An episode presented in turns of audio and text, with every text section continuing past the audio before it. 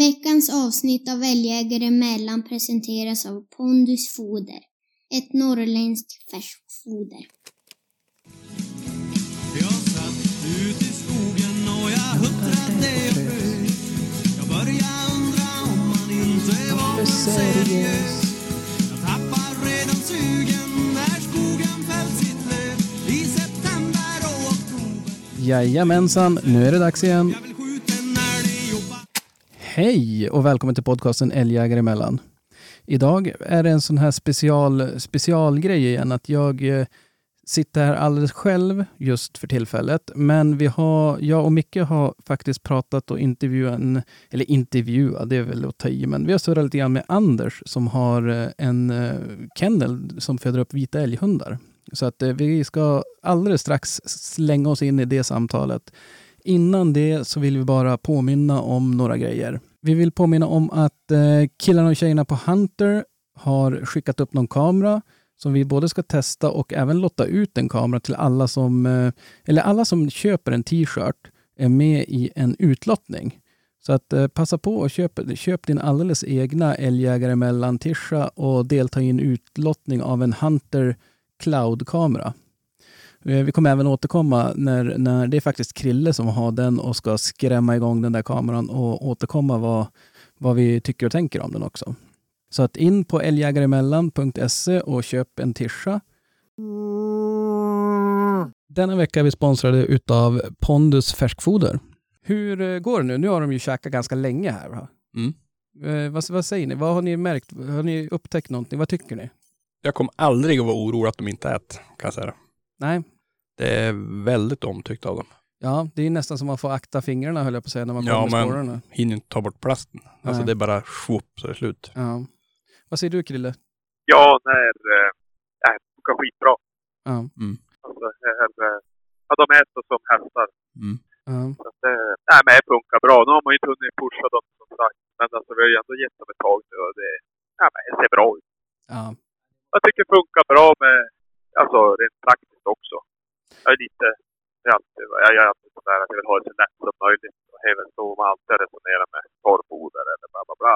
Mm. jag tycker det där är ändå, det här funkar skitbra. Ja. ja, det måste jag också säga där, att det, det är någonting jag var lite sådär orolig för. Bara, kommer jag hinna tina upp dem Mm. och bla bla bla. Att man glömmer bort att ta fram, jag försökte ha något system där att jag så här, tog fram hela Mm. tiden två och hade det på rulle så att säga. Mm. Eh, och det lyckades ju sådär. Mm. Men samtidigt upptäckte jag att lägger man dem bara i, i blött, alltså blötlägger hela korven, Mm. så tinar de ju jävligt fort. Absolut, det är inga problem. Och jag var lite, om jag ska vara helt ärlig, var lite orolig för hur, att det skulle vara söligt Mm. jämfört med framförallt med torrfoder som vi Mm. körde tidigare. Men det, det funkar ju faktiskt jäkligt bra. Ja. Jag, jag tar dem där, ger dem två gånger per dag, hugger korven mitt av och så sen bara pang pang. Mm. Jättesmidigt. Ja, nej, det, och som du sa där Krille, det funkar skitbra. Det var faktiskt rätt uttryckt. För är det någonting, jag, jag har nästan tänkt, vad fan händer? Ja. De, alltså de och det sa ju Anna, sa ju det när vi surrade med henne också, Ja. här, att ja men det ska vara, skit dem lite så är det bra. Mm. Och då måste ju det här vara jävla dynamiten höll jag på att säga Ja. för dem. För alltså, ja, det blir otroligt lite skit av det där. ja, det är ju nästan så att man bara, hmm, undrar om något, eh, Stopp eller? Ja. Jo, nej. Nej, men de, de, de gör av sig väldigt lite och det, det är ju skönt. ja. Nej, och nu är det ju nära vi verkligen får se om det är något tryck i dem också. Mm. Precis. Så att, men eh, vi, vi säger tack Pondus. Tack ska ni ha. Och eh, även påminna om våran andra tävling där vi har eh, en eh, jakthundsträningstävling. Den där vet ni vid det här laget. JHST 2021. Så, så träna hundar, lägg upp det på Instagram så är ni med i utlottning av lite trackerlicenser och det var något pondus hundfoder och något tischer och sådär. Eh, jag vet, ni som vann förra svängen vi körde har inte fått era grejer än och eh, tyvärr så har jag väl fått lära mig den hårda vägen att eh, att köra tävlingar mitt i semesterperioden är inte helt optimalt när man ska försöka få tag på, på de som, ska, som har sponsrat med priser och så vidare. Så att, men eh, sitt lugnt i båten, alldeles strax så är det på ingång priserna.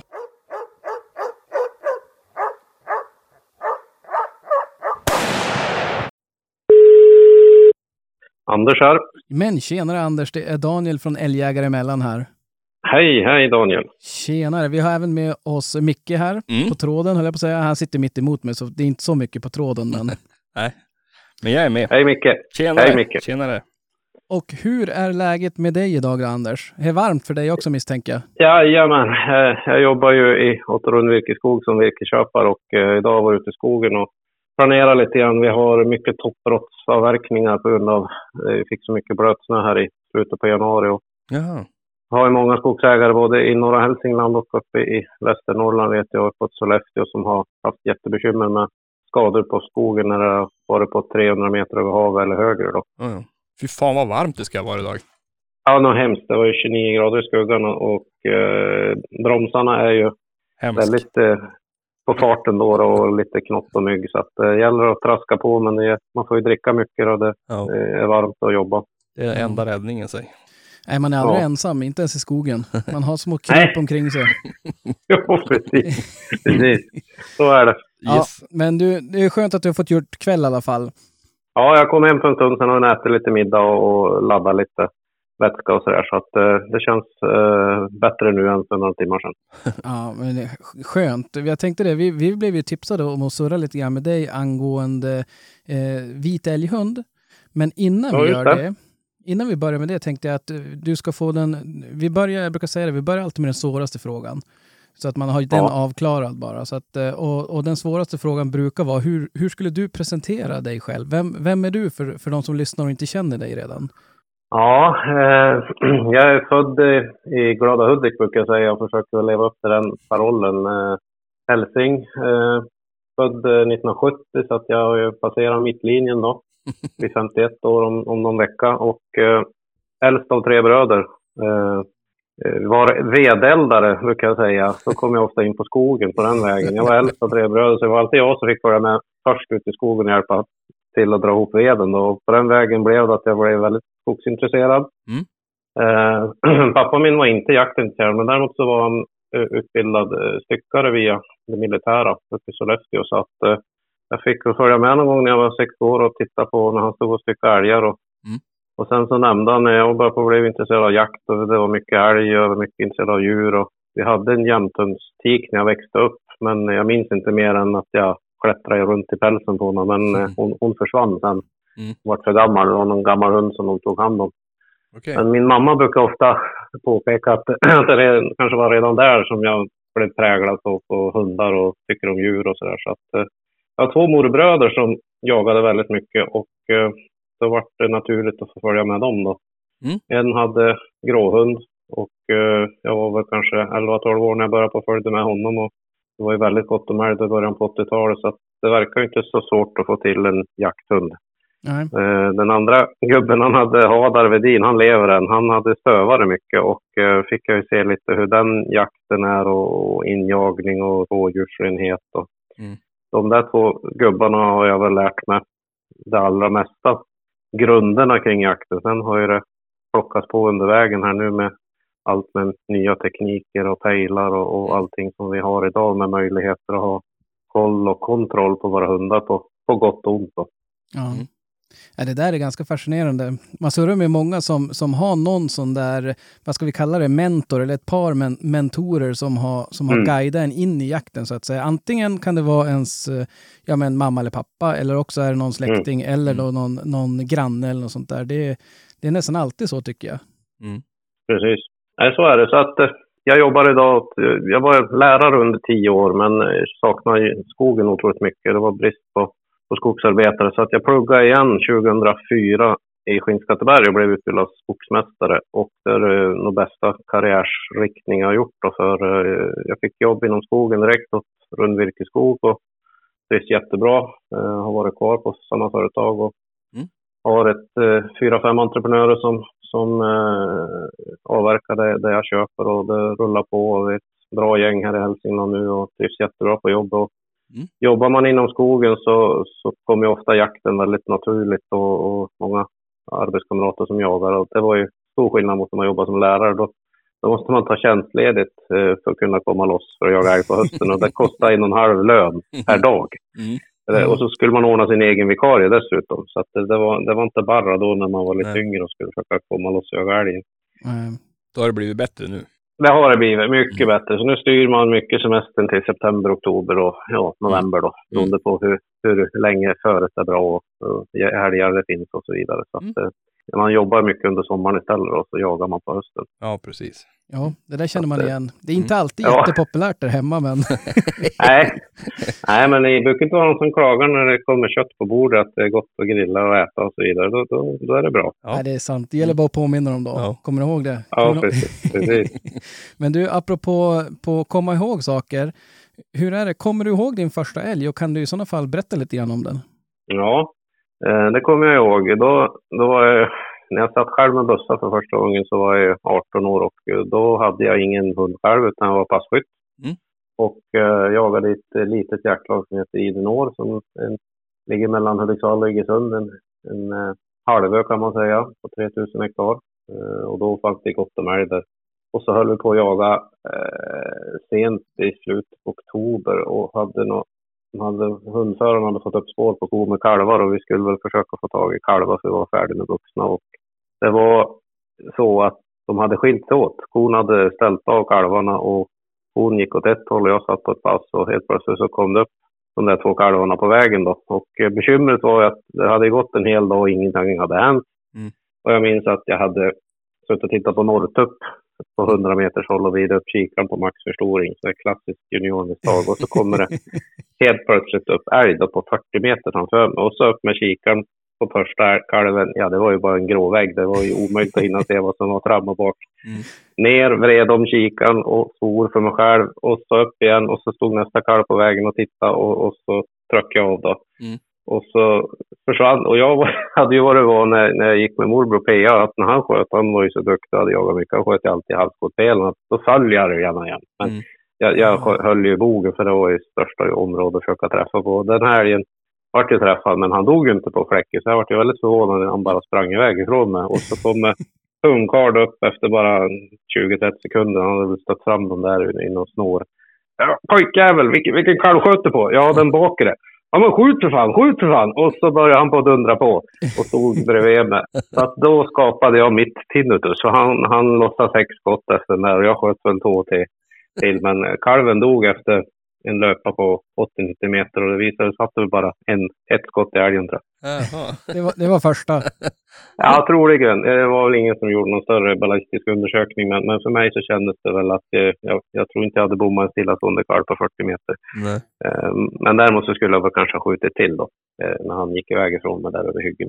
Men eh, det var lite orutin. Men så var det med det. Ja.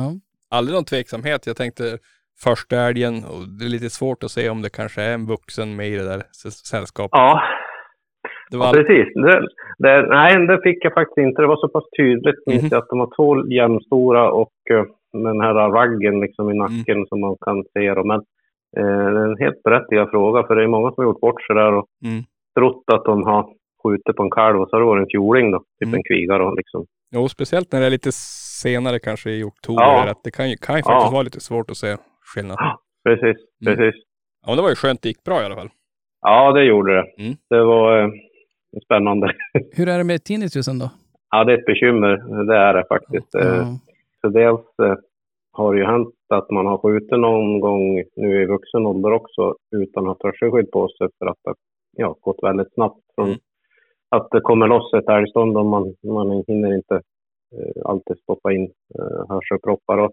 Jag tycker det är lite besvärligt att gå med, med hörselkåporna när jag, när jag går som hundförare. För jag tycker dels att det blir varmt och så tar de i och det slår liksom. i- Det skapar mera ljud. Jag vill försöka vara så tyst och smidig som, som jägare som möjligt man går. Så jag har oftast bara ears som jag stoppar in i, i örat. Och det är det vänstra örat som är bekymret som man har närmast pipan eftersom jag är en högerskytt. Mhm. Så att, eh, vänstra örat har jag mm, besvärande tinnitus och eh, nedsatt hörsel. Så frun min hon, hon retar mig mer och mer varje år och tycker att jag måste skaffa hörapparat snart. Då. Men, men jag har tyckt att den, kan jag bara sitta åt rätt håll så går det bra där. Och, och eh, hon bara pratar tydligt så går det också bra. Ja, och ibland har man ju lite, ibland har man lite selektiv hörsel också. Ja, alldeles riktigt. så kan det ja, vara. Det, det kan jag känna igen. Men, men det där är ju egentligen, det är ingenting att skoja om. Det där är ju inte alls, eh, jag har förstått på de som, har, har, som lider av det, där, att det är inte alls någonting att skoja om, utan det är, ganska, det är ganska allvarliga saker. Jag har ju alltid kört med dämpare. Mm. Och då, det blir ju lite grann kanske en falsk säkerhet för att då, då funkar det tycker jag att skjuta utan några hörselskydd. Mm. Men det är ju säkert långt ifrån hälsosamt. Mm. Mm. Men, eh, men du har aldrig funderat nu på att skaffa dämpare, eller kör du dämpare nu eller? Ja, nu, tack vare att jag nu har förmånen att ha två pojkar som har blivit väldigt intresserade av jakten så har ju de verkligen pushat för att jag ska skaffa ljuddämpare. Dels för min egen skull men även framförallt tycker de då för hundarnas skull då, som, som Mm. står Mm. framför mynningen. Då. Mm. Så att jag gjorde faktiskt slag i saken eh, och skaffade ljuddämpare för eh, två år sedan och jag märker ju en otrolig skillnad just den här knallen, bangen som blir. Att, eh, Mm. och den, det är ju betydligt snällare för hundarna också. Då. Så att, eh, det har jag faktiskt tagit steget över och, och lyssnat lite på sönerna där då, Kalle och Olle då. Mm. Det, det är bra, man blir, lite, man blir lite på tårna när man har barn som är jaktintresserade. De, de hittar vissa saker som faktiskt är riktigt bra då, som man Ja, ja. får som äldre erkänna att det där är bra det. Ja, nej, men det är klart, man, man lär ju av varandra. Jag misstänker att de har lärt Ja. sig ett och annat av dig också. Det tror jag de har gjort. Så att, eh, men jag tänkte det, jagar du, jagar du inom, inom situationstecken bara älg eller jagar du annat vilt också? Eh, jag jagar väl framförallt älg eftersom jag har tre älghundar. Men eh, finns det tid och det finns kompisar som har en duktig eh, eller trevlig drivande hund, rådjur eller räv eller hare så är jag, ställer jag gärna upp och följer med på något sånt i december, januari, februari. Och Ja. Toppfågeljakten är ju otroligt trevlig också om, om väder och förhållandena är, väl, är liksom gynnsamma. Att det är lite upplega och snysnö och inte, inte 25 grader kallt i alla fall. Då är det ju trevligt att ut och åka lite skidor och eh, försöka komma åt någon tjäder eller orre. Det, det är ju skönt Mm.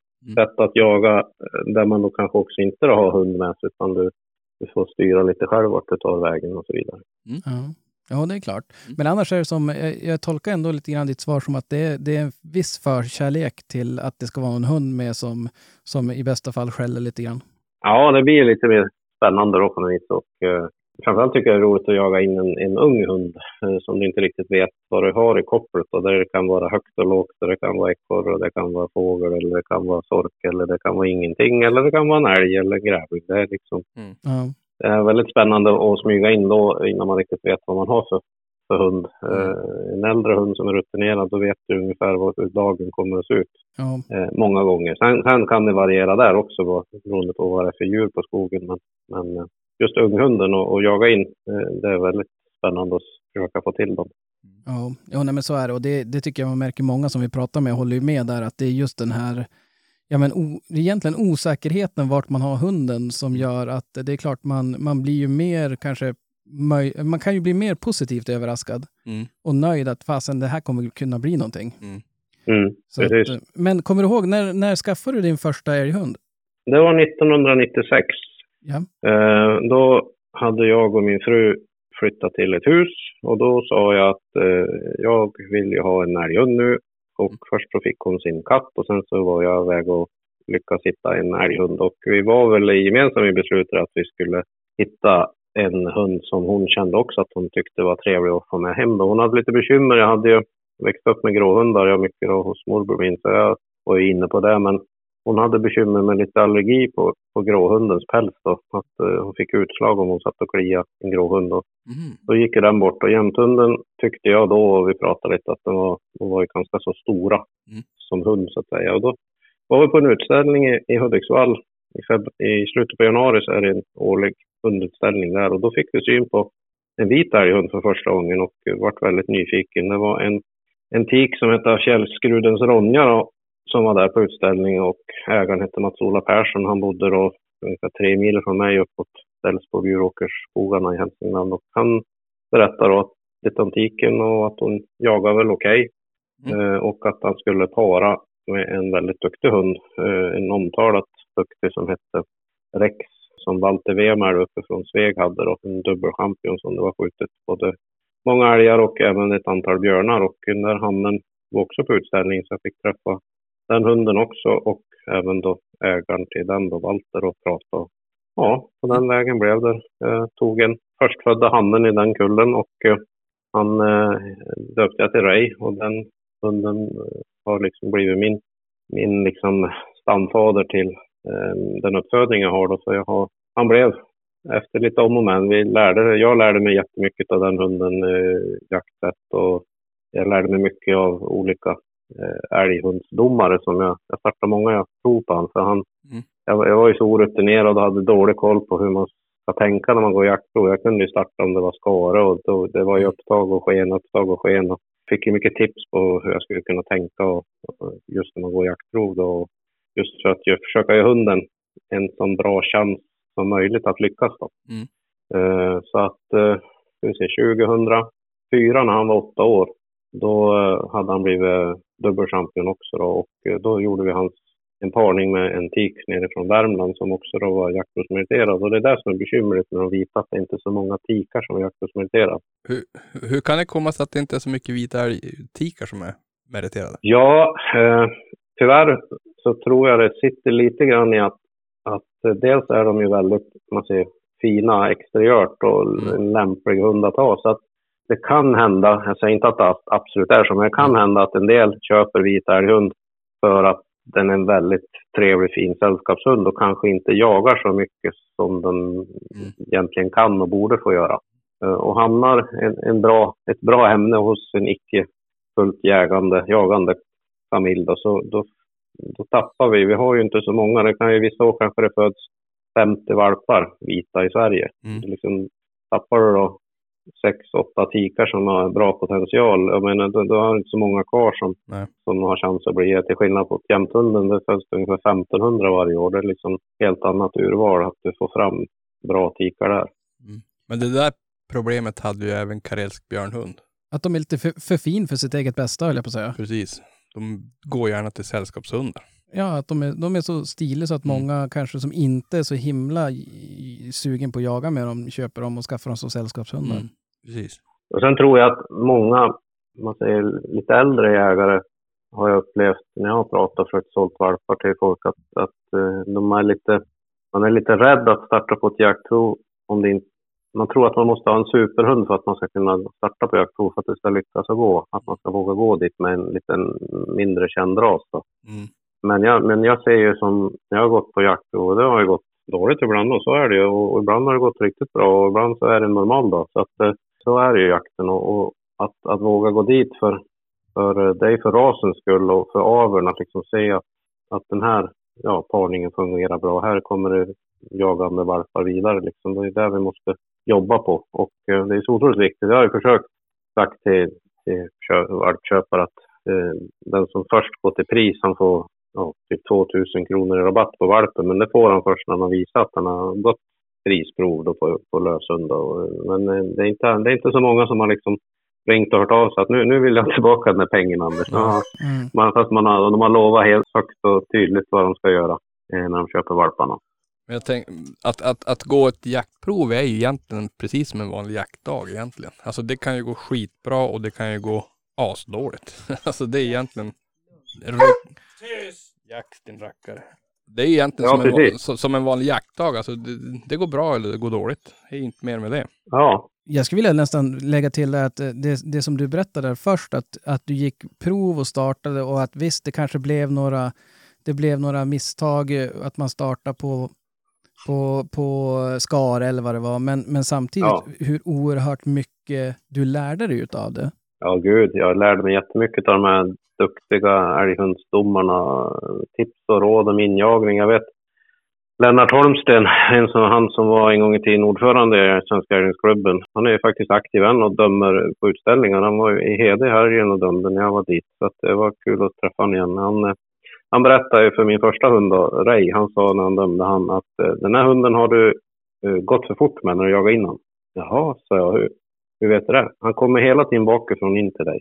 Men när du går så kommer han hela tiden bakifrån in. Du har gått för fort när du jagar in honom. Ah, Du- Det är hund, du ska, du ska gå så sakta. Så fort hunden är utom synhåll ska du stanna och stå still. Eh, det var sådana tips man har tagit med sig som jag försöker nu då föra vidare till till mina pojkar då.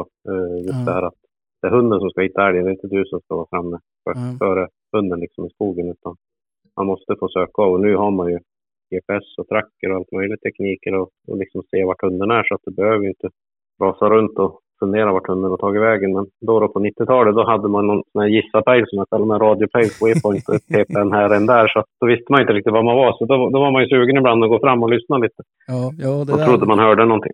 jag tycker de är så roliga de där. De har många namn. Slumpindikator, gissa pejl. Ja. Jag tycker de är roliga. Men, nej, men Ja. det, det är som sagt, det kan vi skicka med till alla som, som ehm, lyssnar på det här och eh, kanske är lite så här, ja men lite oroliga för att gå jaktprov eller så, utan starta. Och, jag menar, ni, om, även om, om, om hunden går en, en nolla så kommer ni, ni att lära er jättemycket. Mm. ja, Så att sta, starta på, på prov, det är, det är jätteviktigt. precis. Mm. Och där tycker jag också man kan säga, om man har läst lite älghundsberättelser och sett när, när går, när funkar liksom hunden som bäst och när är älgarna som snällast och lugnast? Ja, det är ju, tycker jag man, man ser mycket på de som har gått höga poängprov och så vidare. Det är ju dels för att hunden har blivit bra tränad då. Det är inte alltid det har varit så lätt att träna igång hunden för rent fysiskt. Mm. Eh, det är ju någon gång i slutet på oktober, början på november. Eh, dels så är brunsten över, det är inte så mycket bärplockare i skogen, det är inte så mycket andra saker som kan störa. Eh, jakten är, den stora jakten är liksom klar. Du kanske har fått koll på vart du har någon, någon liksom snäll älg som, som du kan försöka eh, sikta in dig på att hitta en, en, eh, en ko med kalv eller en, en, en ko som du har skjutit bort kalvarna för som står väldigt bra för hund. Det, det behöver inte betyda att man, man eh, måste jag säga, försöker dopa provet, att göra det enkelt för att man ska få ett första pris. Men det, det gör ju att det blir lättare att, att hitta en älg som hunden kan visa vad den klarar av. Mm. Och det där lärde jag mig efter ett tag, att, att lyssna och försöka spåra och hitta, kolla vart man har älgarna för att, att gå ut på vinst och förlust. Och så kanske du har tre timmars sök i november eh, när det börjar bli mörkt. Mm. Då, då det är inte alltid du hittar en älg på den här tiden och, och då, då är det ju nolla liksom. Och då har du tagit bort en dag där hunden hade chans att få visa. Ja, men jag tänker också att det är ju framförallt när det är som du säger, när stora jakten är slut så är det mindre tryck på, på, från övriga jaktlaget att hund, även om man har en annan mark att gå jaktprovet på så kanske jaktlaget vill ha en hund att jaga för så att säga. Mm. Så att det är klart, på så vis så det, då underlättar det ju ganska mycket när, när de flesta som, som jagar i jaktlaget kanske börjar vara nöjda. Ja, precis. Mm. Och sen om, och kan du gå ut på en vardag istället för att gå ut på helgen så är det också mindre risk att du stöter på någon, Mm. ja, någon småviltjägare som är ute och då, har ju- det har ju hänt någon gång att man har fått in en, en, en stövare in, in liksom på älgståndet för att den, den har gått tom och blir nyfiken på att det här skäller en hund i skogen eller någon annan älghund som kommer hit. Och det, ja, då blir det ju, då blir ju provet liksom saboterat. Då. Men det är ju det, det är sånt som händer och det är, hunden vet ju inte liksom, att det är ett jaktprov som pågår. Men är, Nej. man får, kan ju försöka hitta marker där man får vara för sig själv eller man kan prata med Mm. jaktlaget runt omkring och ha koll så att man ska ut. Och man försöker, idag finns det ju många sätt med sociala medier och så vidare och Mm. Förmedla Ja. information. Då. Jo, nej, men just, just det där att man, man försöker ge hunden de bästa förutsättningarna genom att åtminstone få vara i fred. Ja, precis. Men du Anders, jag vet ju mina kriterier på en bra älghund. Ja, Jag skulle vilja, jag skulle vilja höra dina kriterier på en bra älghund. Vad vad är det? ja, Berätta din bästa älghund. Kan man säga Ja. så? ja precis. Nej, men det, en bra älghund, det tycker jag ju dels, man säger lite, som jag har sett skillnad. Jag har ju haft eh, även två jämthundar som har blivit jaktprovsmeriterade, så jag har ju sett hur de har fungerat och jag har sett, och det är många som vet hur jämthunden jagar och hur den Mm. beter sig. Så jag kan ju jämföra lite med det. Och jag tycker en, en bra älghund, det är ju dels att den är med hem på kvällen när jaktdagen är slut. Då är, det, det är en, en av de liksom, första stora skillnaderna jag ser på vit älghund och jämthund. Att Mm.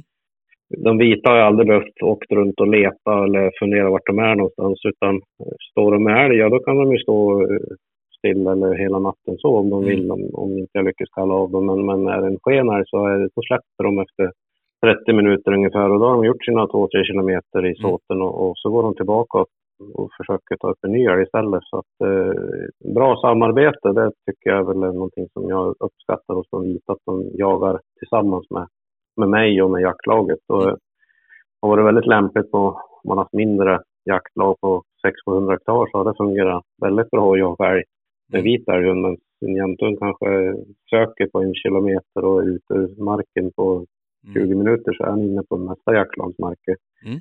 Så att, eh, sen tycker jag väl att hållbarhet är väl någonting jag också uppskattar. Eh, De här vita jag har haft, peppar peppar, ta i trä, att eh, de har hållit sig friska. Ja. Inte haft något problem med halssjukdomar som jag haft, eh, hade med en av jämtarna. Han hade bekymmer med återkommande in- infektioner och, och strul. Liksom. Det fungerar inte att jaga när det var varmt. Han, han, han var väldigt eh, mörk och, och funkar inte alls i september att jaga. Men däremot var han, kunde vara gudomlig i november när det var kallare. Mm. Det fungerar han bra. Men det, jag tror också det hade med halsen att göra, att han, han hade bekymmer. Eh, syresätta sig. Ja, precis. Eh, Så där tycker jag väl att det är bra. Och sen en vit hund, när det, när, innan det blir snö på hösten, så syns de ju otroligt bra. Mm. Om man ska smyga in det. Oftast ställer ju säljarna, det vet ju ni, och det är som Mm. träng, trängs in i någon elände. Man knappt ser öron, ben på dem. Och så man, men en vit älghund, den, den ser du vart, vart den är. För den, den syns så tydligt mot terrängen, mot stenar och, och skogen. Så att Mm. Då kan jag lokalisera hunden väldigt tidigt vart den är och så ser jag lite hur utifrån hur hunden jobbar så kan liksom börja på räkna ut att ja men där är älgen, där har vi Mm. fram och där har vi bak och så. Mm. Eh, det har liksom hjälpt till många gånger. För ofta när jag smyger på, på jämthunds ståndskall så har man ju varit orolig. Ja, vågar jag skjuta nu? Vart är hunden? Liksom, man Mm. hör vart han är men man ser han inte. Det där tänkte jag, Ja. två, två grejer som jag kommer att tänka på nu. Vi kan ta dem i, i bakvänd ordning eftersom vi pratar just om, om deras vithet, alltså rent av färgen. Mm. Det är ju, jag kan tänka mig att jag som, jag som har en hund som har en förkärlek för att springa ut på E4 ibland, så, Ja. så just ur trafiksäkerhet, innan snön kommer, så syns Mm. de ju betydligt bättre än, än egentligen alla andra raser. Ja. Nej, inte, inte heller forsare. Nej, men då tror de bara att det är en räv ju.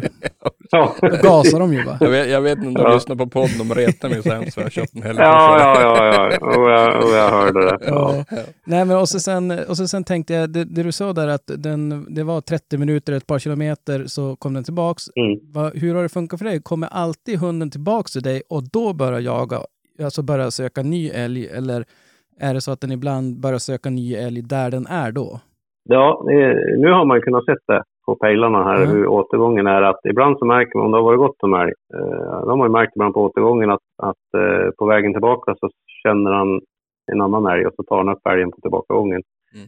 Eller att eh, på själva ståndskallet, upptagsplatsen, så var det mer älgar. Den första älgen stack iväg och så går han tillbaka och så tar man upp en ny älg. för Han vet att det var, Ja. eh, ofta kan det en tjuren stå kvar då, den större Ja, faktiskt och försöka smita iväg åt något annat håll när det har lugnat ner sig. ja, de är inga gentlemän på så vis. Nej, men de, är, de har varit duktiga på att komma tillbaka och bra samarbete och det har jag väl uppskattat väldigt mycket. För jag har ju sett, det var, ju- det var ju så otroligt tydligt ett tag när jag hade en, en, en Gamsevallens Rosso i början på 2000. Han hade jättebra sök, eh, duktig på att hitta älg, men helt hopplös. Alltså vilja att förfölja flyende. Det fanns ju hur mycket som helst. Det var tio jämt. Jag fick alltid släppa jämten först på morgonen och så eh, ändå vart det upptag sken eller så vart det upptag ståndskall. Och vart det upptag sken, vilket det vart fler gånger. Ja, det var ju att gå tillbaka till bilen, hämta en vit älghund och så gå och jaga med den resten av dagen. Och sen när kvällen var över, då fick man försöka leta igen var jämten var någonstans. Mm. Så att eh, där såg jag väl den väldigt stora skillnad som jag har sett på, på raserna. då. Sen kan ju det här vara även en, en nackdel ibland om man är på marker där det är lite älg, stora marker. Ja, då kanske en vit älghund inte riktigt räcker till. Då liksom, du måste gå mycket mer som förare med en vit älghund än med en jämn hund. Jag tänkte även på det här, jag har hört ryktesväg, eller ryktet säga att på grund av färgen att de är duktiga på att ställa älg. Är det någonting, Ja. du, är det någonting du har upplevt eller? Ja, ja jag, jag har hört det där jag, att Ja. eh, de blir nyfiken, uh, Ja. älgarna har fått en vit hund. Och, eh, jag, jag kan inte säga att det står bättre för att en vit hund. Är det, jag brukar säga så här, är det en bra älghund som är lugn i upptaget, Mm. som vänjer älgen vid sig liksom innan den flyger fram och skäller på dem, Mm. då, då, då ökar ju chansen att det blir ståndskall. Jag fick faktiskt se den första vita jag hade, Reid, och han fick jag se vad han gjorde en gång. Mm. Och det var nere i, Skinnskatteberg när jag gick Sportmästarskolan. Då Mm. var vi ute i augusti och tränade och såg en kvika på ett hygge på 300 meter. Och så tänkte jag, undrar hur han kommer att göra nu, för jag såg att han skulle komma eh, upp i vind på den där. Och så såg jag titta och då kom han upp i vind och så kände han den där och så gick han ner mot den och sen när han var på ja, typ 100 meter, då fick hon syn på han. Mm. Då stod han bara still, stod han bara och tittade på varandra. Gjorde han ingenting. Mm. Och så gick han in på 50 meter och så pinkade han lite grann och hon stod still och tittade på honom. Mm. Och så när han var inne på 30 då skällde han två skall lite försiktigt. Mm. Och så pinkade han igen. Mm. Sen gick han in på 10 meter och så var det fullt ståndskall. Så att, Mm. eh, hon stod ju då liksom. Och det var intressant att se just hur han gjorde då för att närma sig älgen. Och, och jag har ju sett skillnad någon gång när, när en ung hund som inte riktigt vet vad den ska göra, då skjuter den hela vägen fram till älgen och sen när den är fem meter ifrån så skäller den. Mm. Och den står ju oftast inte still den älgen utan då drar de ju som en avblödning. Nej, men det där är ju, det där är ju ett jävligt fint beteende av en hund att kunna göra sådär. Alltså det är, det är säkert... Och det är någonting som han hade lärt sig Mm. säkert själv. För, det är inte jag som har lärt honom utan det är något som han hade i generna med sig liksom. Och han har märkt att det där funkar. Och då, Mm. då, då är det roligt att avla på en sån hund och försöka få den jaktkunskapen vidare då. Precis, men har alla dina vita varit så väldigt lugna upptag eller är det... Ja, just nu har jag en som inte är det. Och han, den eh, har jag inte riktigt lyckats med. Han är sju år nu. Mm. Eh, han tycker passkyttarna är väldigt bra. Det är nästan som ett, ett hardrev i skogen. Han är alldeles fivrig. Eh, och det vrålas liksom när han liksom kommer på något djur. Mm. Och eh, det- det är sällan det står i upptaget. Men då är han tjurig så han kompenserar det då eller är det... Ja, han hänger ju på då. Han, han, eh, han är ju ganska snabb och han hänger på dem Mm. och eh, det blir ju snabba gångstånd liksom i skogen och eh, det är många passkyttar som tycker det är spännande då, för det buktar ju liksom runt i, i bergen och, och de får skjuta om Ja. de nu sitter tyst och still då. Ja men precis. Att, eh, de uppskattar ju den hunden och, och det- är ju, ja, men det är kul att de gör det. han fungerar ju. Ja, ja. Huvudsaken de jagar kan man tycka ibland så är det. Ja. Men jag tänkte, finns det någon egenskap bland älghundarna som du tycker övervärderas? I det här allmänna surr kring älghundar, typ lydnad eller... Ja, det har ju, det som jag har sett nu då Mm. och märkt det är väl att det har blivit den här, det har blivit otroligt mycket förföljande på Mm. framförallt jämthunden. Det har kommit in, alltså de har ju, man har ju verkligen avlat på jättemycket jaktlust och det här momentet att förfölja flyende älg och ställa om och liksom ställa om. Och, Mm. och det, kan, det kan starta i, i en by och så slutar det i nästa kommun. Mm. Och, och det, det har svårt att förstå varför det ska vara så jättebra liksom, jaktligt. För så jagar ju vi väldigt sällan liksom, har så stora jaktmarker. Precis. Det jag ser med det är också med dagens rovdjurstäthet vi har och risker. Mm. eh, att man har då spårat av ett område där det inte finns vargspår och så släpper man och så har man en, en som en så kallad jaktidiot som hänger på älgen hela dagen och så slutar eh, ståndskallet någonstans inne i tredje berget och Mm. där är vargarna. Och då blir det bekymmer för då är du kanske själv då två mil bort, eh, inte riktigt hinner dit och försöka parera någonting som eventuellt händer som du inte själv har koll på Nej. egentligen förrän det redan har skett. Eh, och den risken ökar ju om du har hundar som har sån otroligt förföljande. Då. Ja, precis. Och det är en variabel jag har glömt. Det har jag glömt fråga om vargproblemen. För att Ja. det tänkte inte jag på. Att ni har ju faktiskt varg där nere också. ja, vi har ju det här i Hälsingland och, och, och neröver i Mellansverige, vilket är ett, ett stort bekymmer hur vi ska kunna bedriva den här så kallade allmogejakten med löshund som är ett kulturarv att förädla vidare och föra kunskaper. Men när det börjar bli så pass mycket varg att, att flockarna ligger kant i kant med varandra, då, då är vargarna väldigt på tårna när, när det kommer in hundar. Det förstår jag. För att de vill, de vill ju försvara sin, sin jaktmark liksom. Jo, jo. De gör väl Ja. det de alltid har gjort. Men jag tänkte, ni, ni, ni har vargproblem, alltså där du jagar. Ja, jag klarar väl mig hyggligt. Mm. Eh, Jag, är, jag är mer ute i kusten, eh, man säger från, från Hudiksvall mot Delsbo. Men Mm. kommer vi bara två, tre mil ytterligare längre västerut mot Ljusdal, Järvsö och sen vidare ner över mot uh, Alfta, Edsbyn, Voxnadalen, Ovanåker. Mm. Där är det ju väldigt mycket vargrevir och, och stort bekymmer och svårt att jaga med löshund och, och eh, det, är, det är inte frågan om utan det är frågan när vi kommer ha vargrevir Ja, precis. öster om Ljusnan då. Det är ju strövargar hela tiden som traskar igenom här nu då. Jag, jag tror faktiskt att jag och Daniel har varit och köpt en jämthund i Ljusdal. Då berättade även den gubben det att Ja, just det. det var han hade. Men jag tänkte, det måste ju förta väldigt mycket av lösensjakten. När man har det där. Jag, jag är inte drabb, drabbad av varg. Så att jag tänker Ja. inte så. Men det måste Nej. ändå ligga lite grann i bakhuvudet varenda släpp. Ja, det är en, en olustkänsla när man släpper hunden på morgonen liksom i skogen att eh, Mm.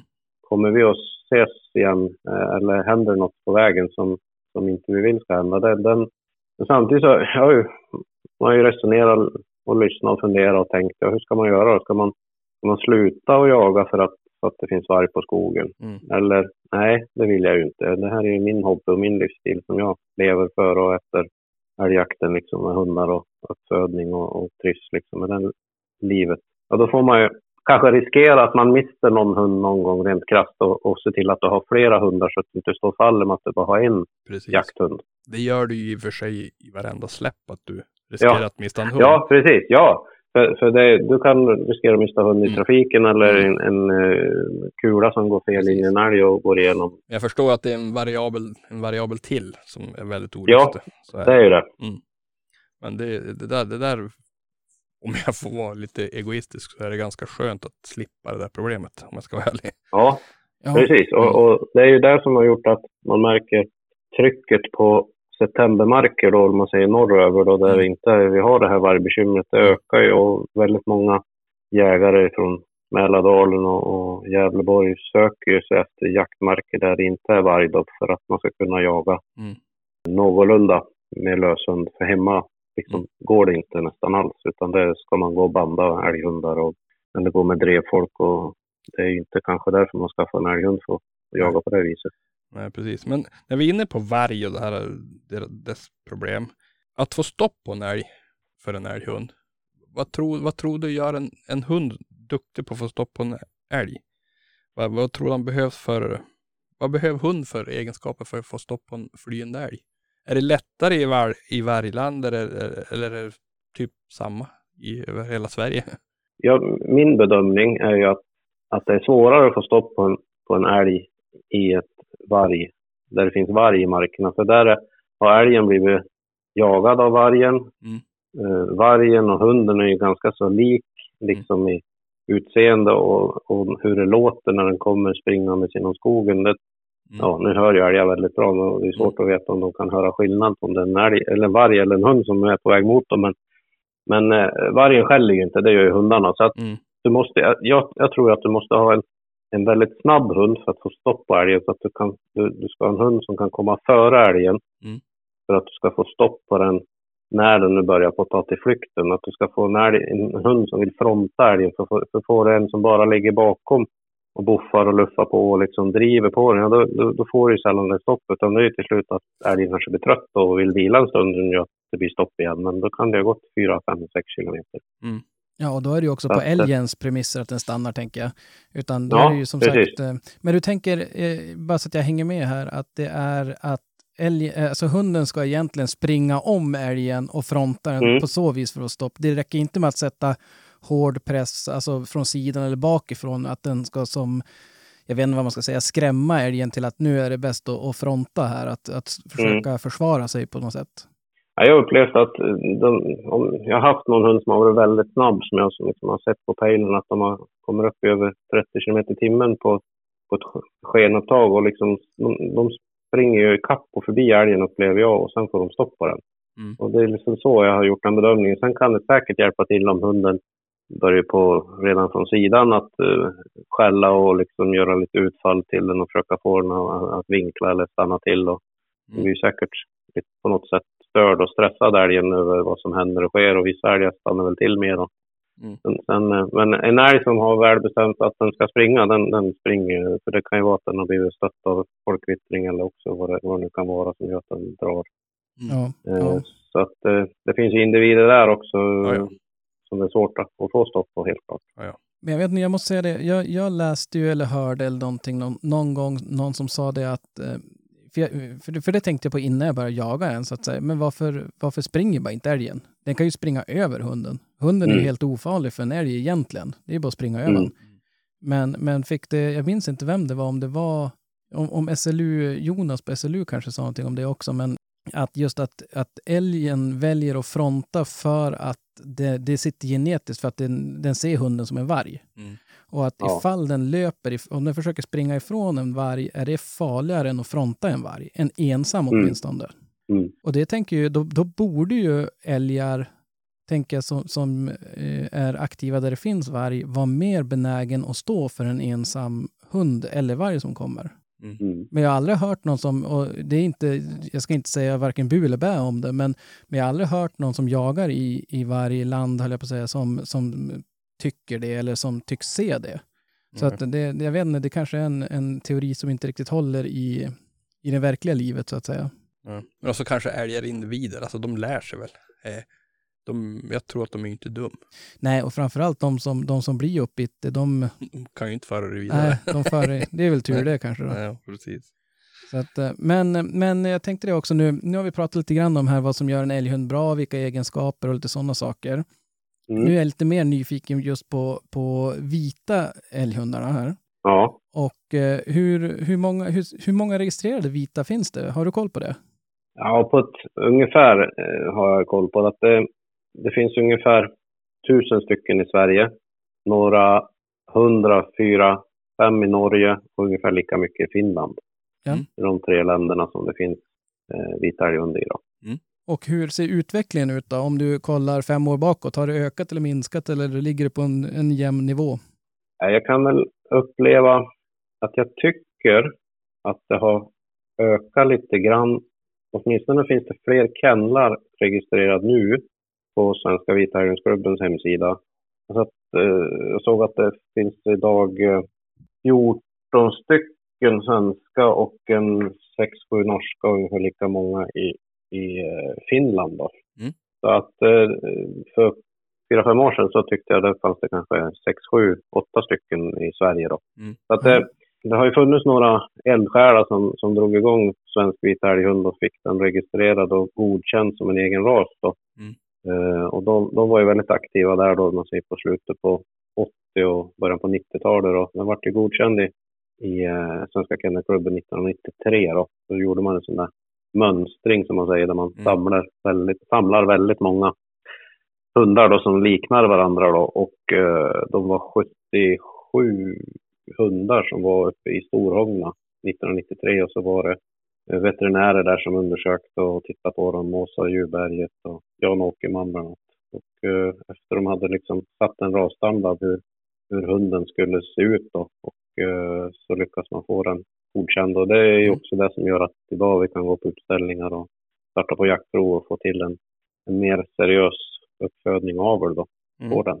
Men, men jag måste fråga då, nu, nu blottar jag min okunskap ytterligare en gång här i, här i podden, men innan det, innan de mönstrade in den, då var de helt enkelt räknade, alltså, eller ja, i sig, det kanske bara är enligt SKK som såg det som blandrasar då. Men, men Ja. det har alltid varit vit älghund egentligen, men de var inte godkända av SKK bara. Ja, man kan väl säga att vi, svensk vit älghund, om vi ska dra lite kort historien då. Så på 40-talet så började det på dyka upp eh, enstaka vita valpar i vissa jämthunds och gråhundskullar uppe i Jämtlandstrakterna. I, och eh, då var det några eldsjälar där som eh, man har en som heter Lars Jönsson i, från Lit i Jämtland. Han eh, började på med systematisk linjeavel då, på de här vita. Då. Och eh, 1958 så kom de första helt vita valparna. Då. Och eh, då finns det en, en jämthundshanne som förekommer i väldigt många jämthundslinjer långt tillbaka också som var en otroligt duktig. Han heter Ottsjö Jim. Denna hannen då användes väldigt mycket i avel och han, han eh, lämnade vissa vita valpar efter sig hos vissa tikar då. Och eh, det är liksom grunden då, så att det är en blandning av, av både jämthund och gråhund och sen finns det någon historia också att det skulle ha varit en, en samojedtik inblandad då på någon järnvägsstation där i Östersund en gång i tiden. Men, men huruvida den där är sant eller inte, det, det är väl ingen som riktigt vet. Då, men, just, eh, men det är lite intressant då. Ja, det, låter, det, gör ju, det gör ju historien bättre. Sen ifall, Ja, det gör ju det. Och så just det att man inte vet om det är sant eller inte. Legenden Ja. säger. Ja, precis. Det skulle ha varit en, en tjuvparning eh, på 30-talet eh, mellan en jämthundstik och en samojedhanne. då. Och eh, tjuvparningen ledde fram till en hund som heter Vira som då är mormor till Ottsjö Jim. Så att det där är, Mhm. Okej. ja, för de som är, är väldigt intresserade finns det där att läsa på, på hemsidan för Vita Älgsklubben. Ja. Sen finns det en, en, en annan duktig, duktig uppfödare som, som tog vid efter den här Lars Jönsson. Det är de här eh, herr och fru Torkel och Ulla Lundqvist uppe i Roknäs. Uppe i Piteå. De har betytt jättemycket för rasens expansion och de de köptes 1965 en, en, en hanhund för eh, ättlingen till Ortsjö och eh, sen fortsatte de med aveln efter den hannen och, och de var väldigt selektiva vad man sålde för tikvalpar vidare. För man Mm. ville verkligen befästa aveln att det var inriktat på både god jakthund, bra mentalitet och den här vita färgen. Ja. Så efter de var eh, lite med verkligen och drev fram och, och jag minns jag pratade med Torkel någon gång i slutet på 90 när, när jag höll på att leta en parningstik och det var, det var intressant att prata med honom. Han var ja, ur den här gamla stammen och kunde mycket om jakthundar och injagning och så vidare. Så det var, var intressant. Då. Ja. Det var ju en sån där som har varit lite legend inom de vita älgjakt-klubben. då. Tor, torkelhundar var de lite omtalade som ibland. Då. Ah, Okej, ja, de var lite eftertraktade då också, eller? Ja, det var ju det. Det fanns mycket jakt i dem då. Så att, eh, ja. Ja. Men om man, om man tänker nu, det är ju som sagt, det- är ju det är jättekul att den, den går åt, åt rätt håll, eller vad man ska säga. Det är ju det är bra att det blir en, en bredare avelsbas. Men vad tror du, om den skulle, vad, vad behövs det för att den, eh, för jag menar det, det som jag har hört på dig nu och så här så passar den ju ganska bra för väldigt många jägare, tänker jag. Mm. Alltså egenskapsmässigt och att den är, ja men som vi var inne på, de, de är ju fina att titta på. Alltså de är ju estetiskt vackra och de, de eh, jagar ju på ett sätt som jag tror passar väldigt många jägare. ja. Det, det är lite så här, jag kan tycka att det känns lite förvånande att de inte är populärare, eller vad man ska säga. Mm. Ja, det som krävs är väl att en fortsatt seriös uppfödning eh, från många håll och kanter och att eh, om man har en tik som är, visar god jaktlust och förmåga, att man, att man går på jaktprov och att man sen gärna försöker ta någon kull. Det är, det är ju också inte alla som vill ta någon kull för att de, ja, det är lite arbete med att ha en kull och man, en del är rädda att tiken ska bli fara illa eller bli sjuk eller tappa jaktlusten av att ha en kull. Men saker kan ju gå fel under ett havandeskap, så är det ju. Det, det, men eh, det, i de allra flesta fall så går det ju bra. Annars skulle ju inte utvecklingen ha gått framåt som den har gjort, så att säga. Mm. Så är det ju. Så är det. Och det är ju som sagt, där är det ju svårt. Jag kan tänka mig det att många som vi pratar med, det blir ju ganska mycket jämthund när vi ringer och surrar med folk. Ja. Eh, och det blir oroväckande mycket Hälleforsare när vi bara är vi som surrar. Men, men just det där med att leta täckhund till exempel.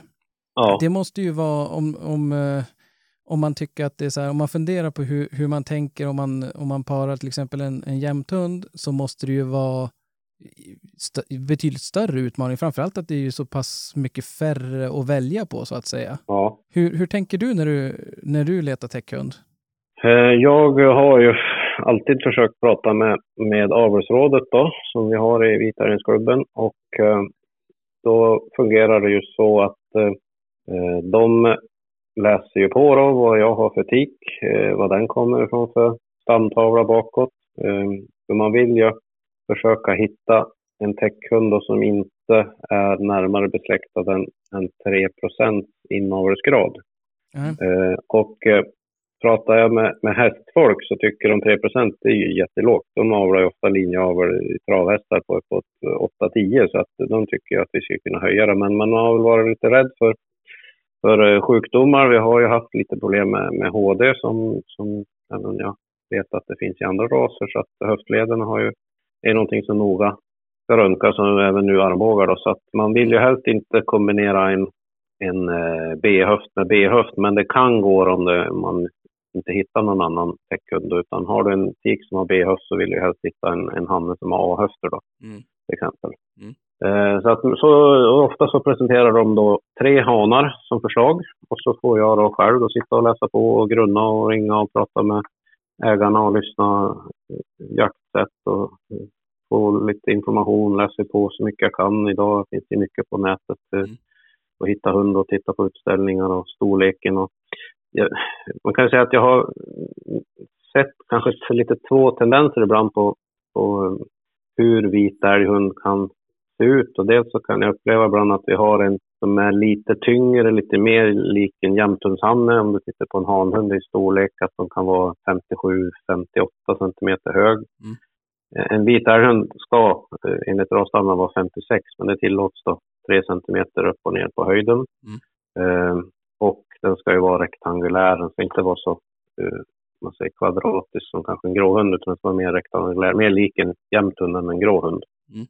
Eh, och jag upplever att just vita älghund är mittemellan då, om du tänker det storleksmässigt eh, mellan gråhund och jämthund så är vit, ligger vit älghund och så det tycker jag passar väldigt bra. För när det, Mm. när det väl börjar få bli så mycket snö att vita älghunden inte kan jaga för att det är för mycket snö, då, då är det inte så roligt att gå runt heller i skogen som, som människan är uppe i Nej. upp Ja. över stövelskaften och trussa runt i snön. Så, så Mm. då kan vi kanske göra någonting annat istället. Ja, Ja, precis. ja, det är sant.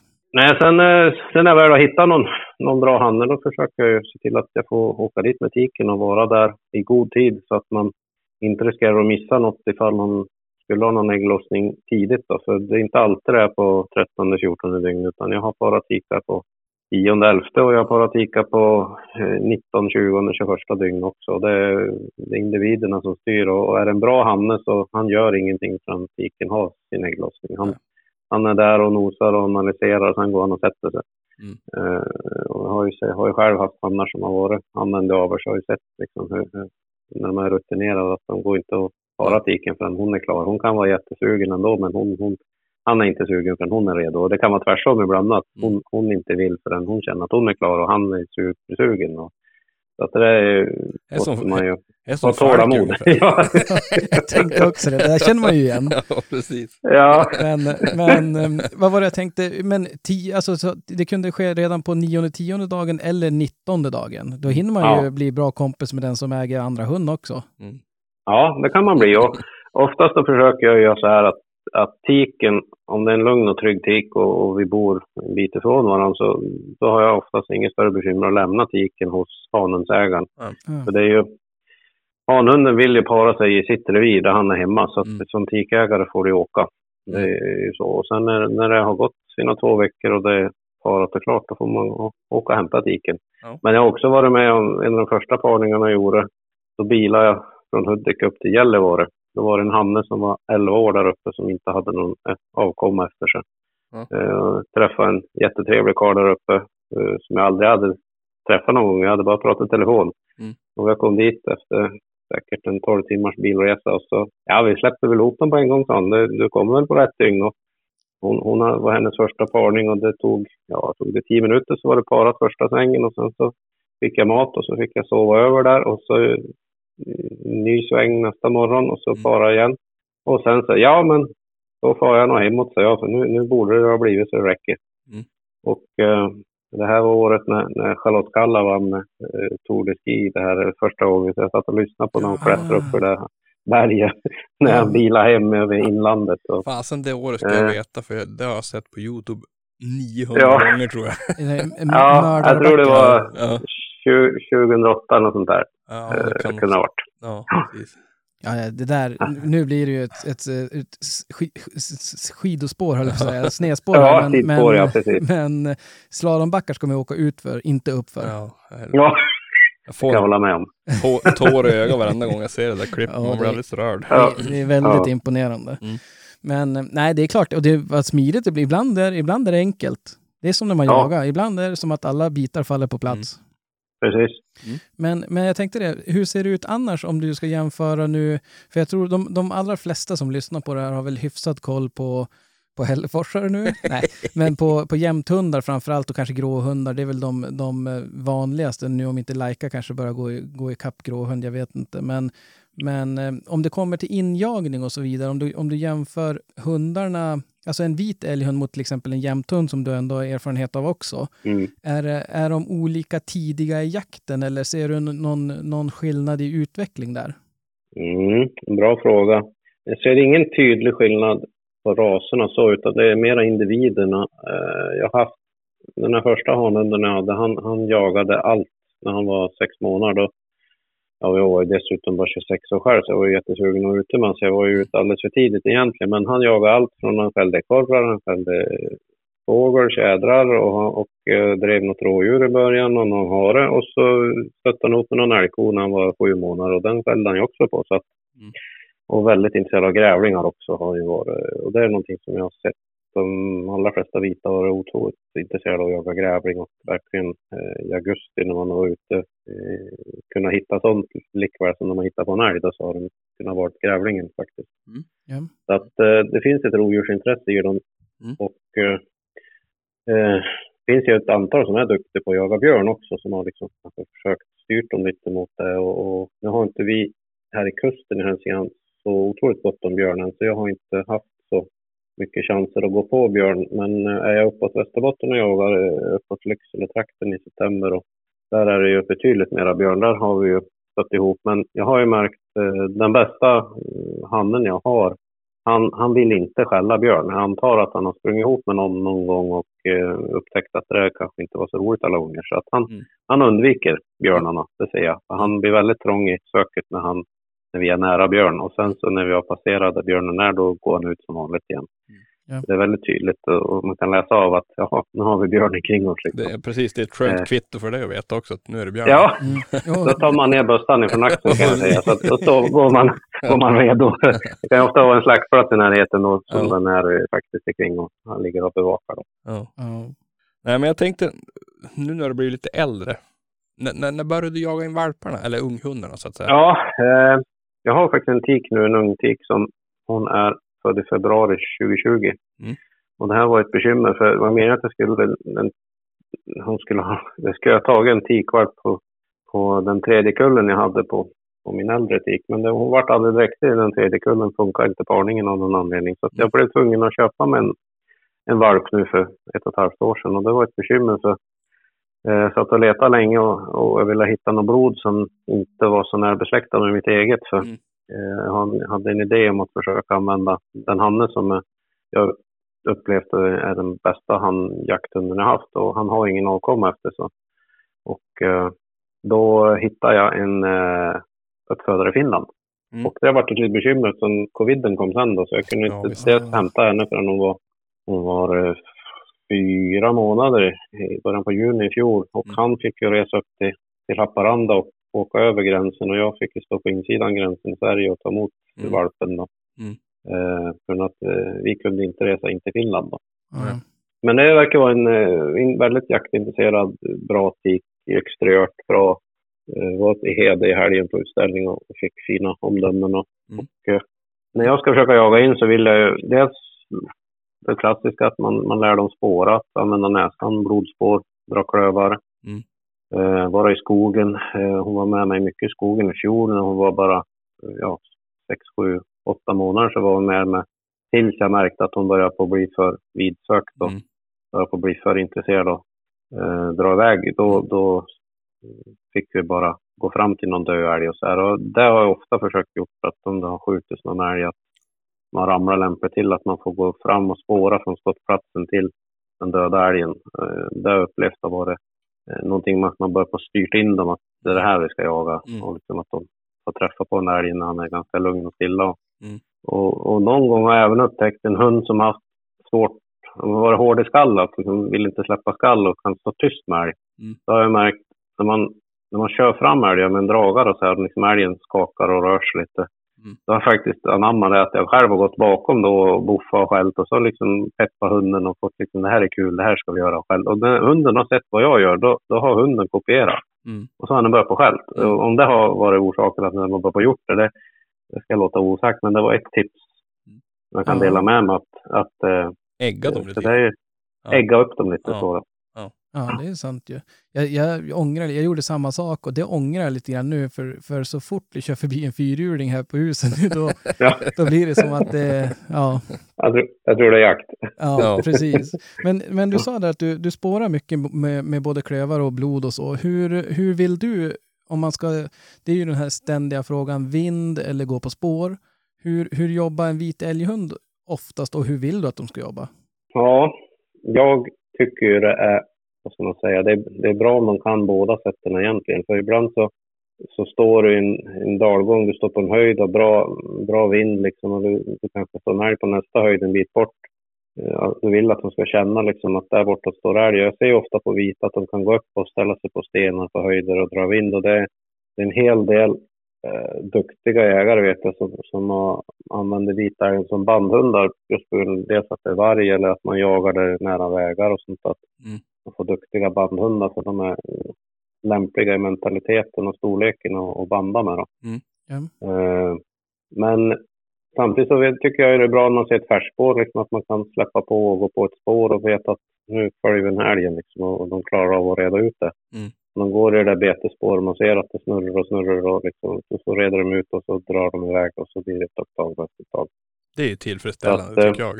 Ja, jo, jag vet, du, du gillar ju det. Och det måste Ja. jag också tänka, men jag menar, du, Micke, du är ju eftersöksjägare också, så att Mm. då är det väl, nu i och för sig, är de påkörda eller påskjuter, Mm. så då luktar de väl lite extra Mm. speciellt misstänker jag med adrenalin och så. Ja, men jag, det där du sa att de snurrar på och, och, och ma- man ser på pain. För man sitter ju och tittar på pain Mm. givetvis. Och man ser Ja. hur de snurrar och till slut hur de löste det. Jag tyckte det är jävligt tillfredsställande att se det faktiskt. ja. Ja, Ja, det Men blir sen- som ett tv-program, du sitter och kollar på telefon. Istället för Netflix kan Ja. du sitta och kolla på det. ja. Precis. Nej, men givetvis en kombination av båda är ju, tror jag, Ja. bäst. Men, men, Ja. men, men får Ja. jag välja då tar jag spår. Då tar du spår. ja, jag gör Ja. det. Ja, nej, och jag, jag vet, jag säger inte att det ena är bättre än det andra. Nej. Men, men Rasmus sa ju att det var just spår var ju viktigt när det gäller björnjakt i alla fall. Mm. Mm. Precis. Så att, eh, men eh, Mm. jag tänkte det också, jag vet inte om, vi, om, om jag glömde bort att fråga det, men när det gäller sök för en vit, hur långt, hur långt söker dina ut? Jag, nu ska inte Mm. du prata för en hel ras kanske, men, men ungefär, vad, vad skulle du säga, hur, hur långt söker dina ut och vad är rastypiskt typ? Ja, jag tycker många gånger så, en, en, de hannar jag haft som har varit fungerande ja- jagande, de söker tidsmässigt eh, mellan 5 och 12 minuter. Mm. Eh, avstånd så kan det röra sig från eh, 300 till 600 meter.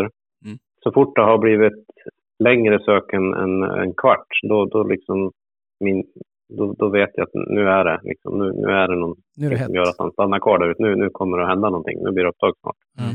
Eller ja, på något sätt. Mm. Tikarna har väl varit lite trängre i söker. Där har det kanske varit ibland mellan, ja, säg tre till tio minuter. Och det är väl där jag ser ibland bristen då. Mm.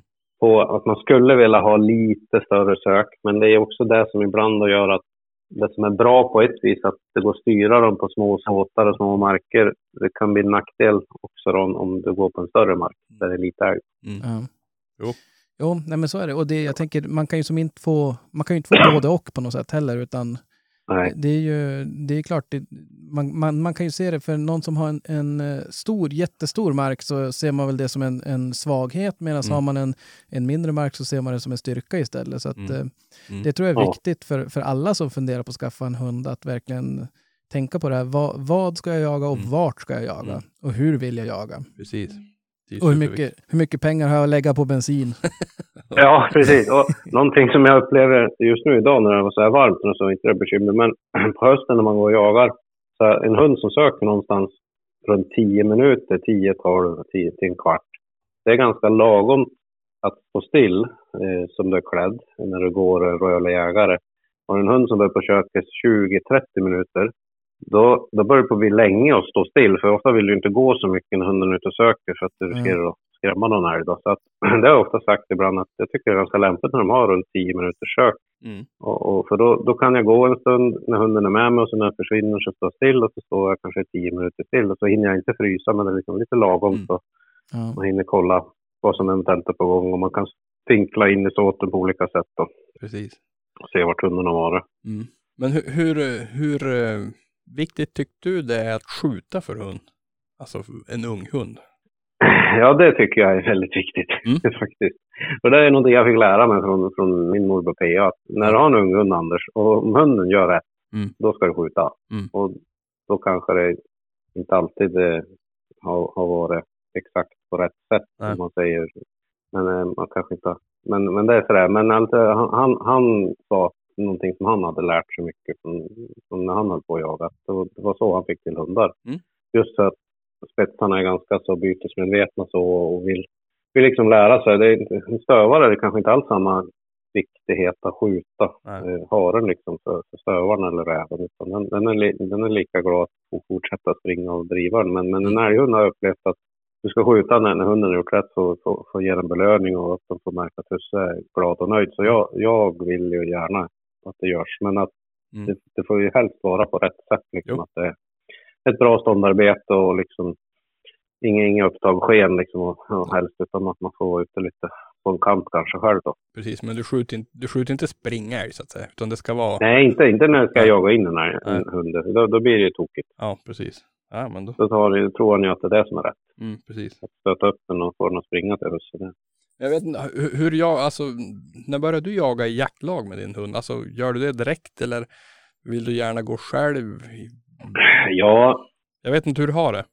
Ja, jag jagar i sex olika jaktlag med älghundar Mm. och jag börjar ju norrut. Och det är ju så att jag har ju kommit med i en del av de jaktlagen just att jag har hundar då. Och de vill ju att det ska jagas Mm. med hunden i, i jaktlaget. Och det är ju, ibland får man ju vara lite diplomatisk och använda en äldre hund, kanske i början på jakten så att liksom jaktlaget märker att, att eh, vi får till någon älg och det Mm. kanske ja, ramlar, det hänger någon i slakteriet. Så när veckan har blivit lite lugnare, då kanske man kan ha chansen att få prova en ung hund på någon kant. Och det kanske Mm. finns någon fler hundförare som kan, Mm. kan eh, vara med och hjälpa till att gå för jaktlaget.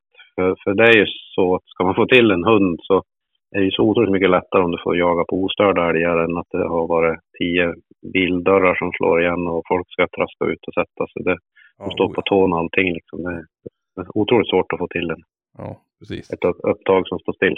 Ja, ja. Nej, men huvudsaken är att man har möjligheten att få göra det. Då kan man kanske vänta på det möjligheten att få släppa Ja. i lugn och ro. Ja. Ja, och det har jag smart. upplevt. Man får vara lite smart Mm. och eh, jag har också upplevt att ju längre norrut och ju längre västerut i landet du kommer och jagar, desto större förståelse finns det för det här med unghundsjakt och jaga in älghunden eller Mm. jaga in hundar överhuvudtaget. Mm.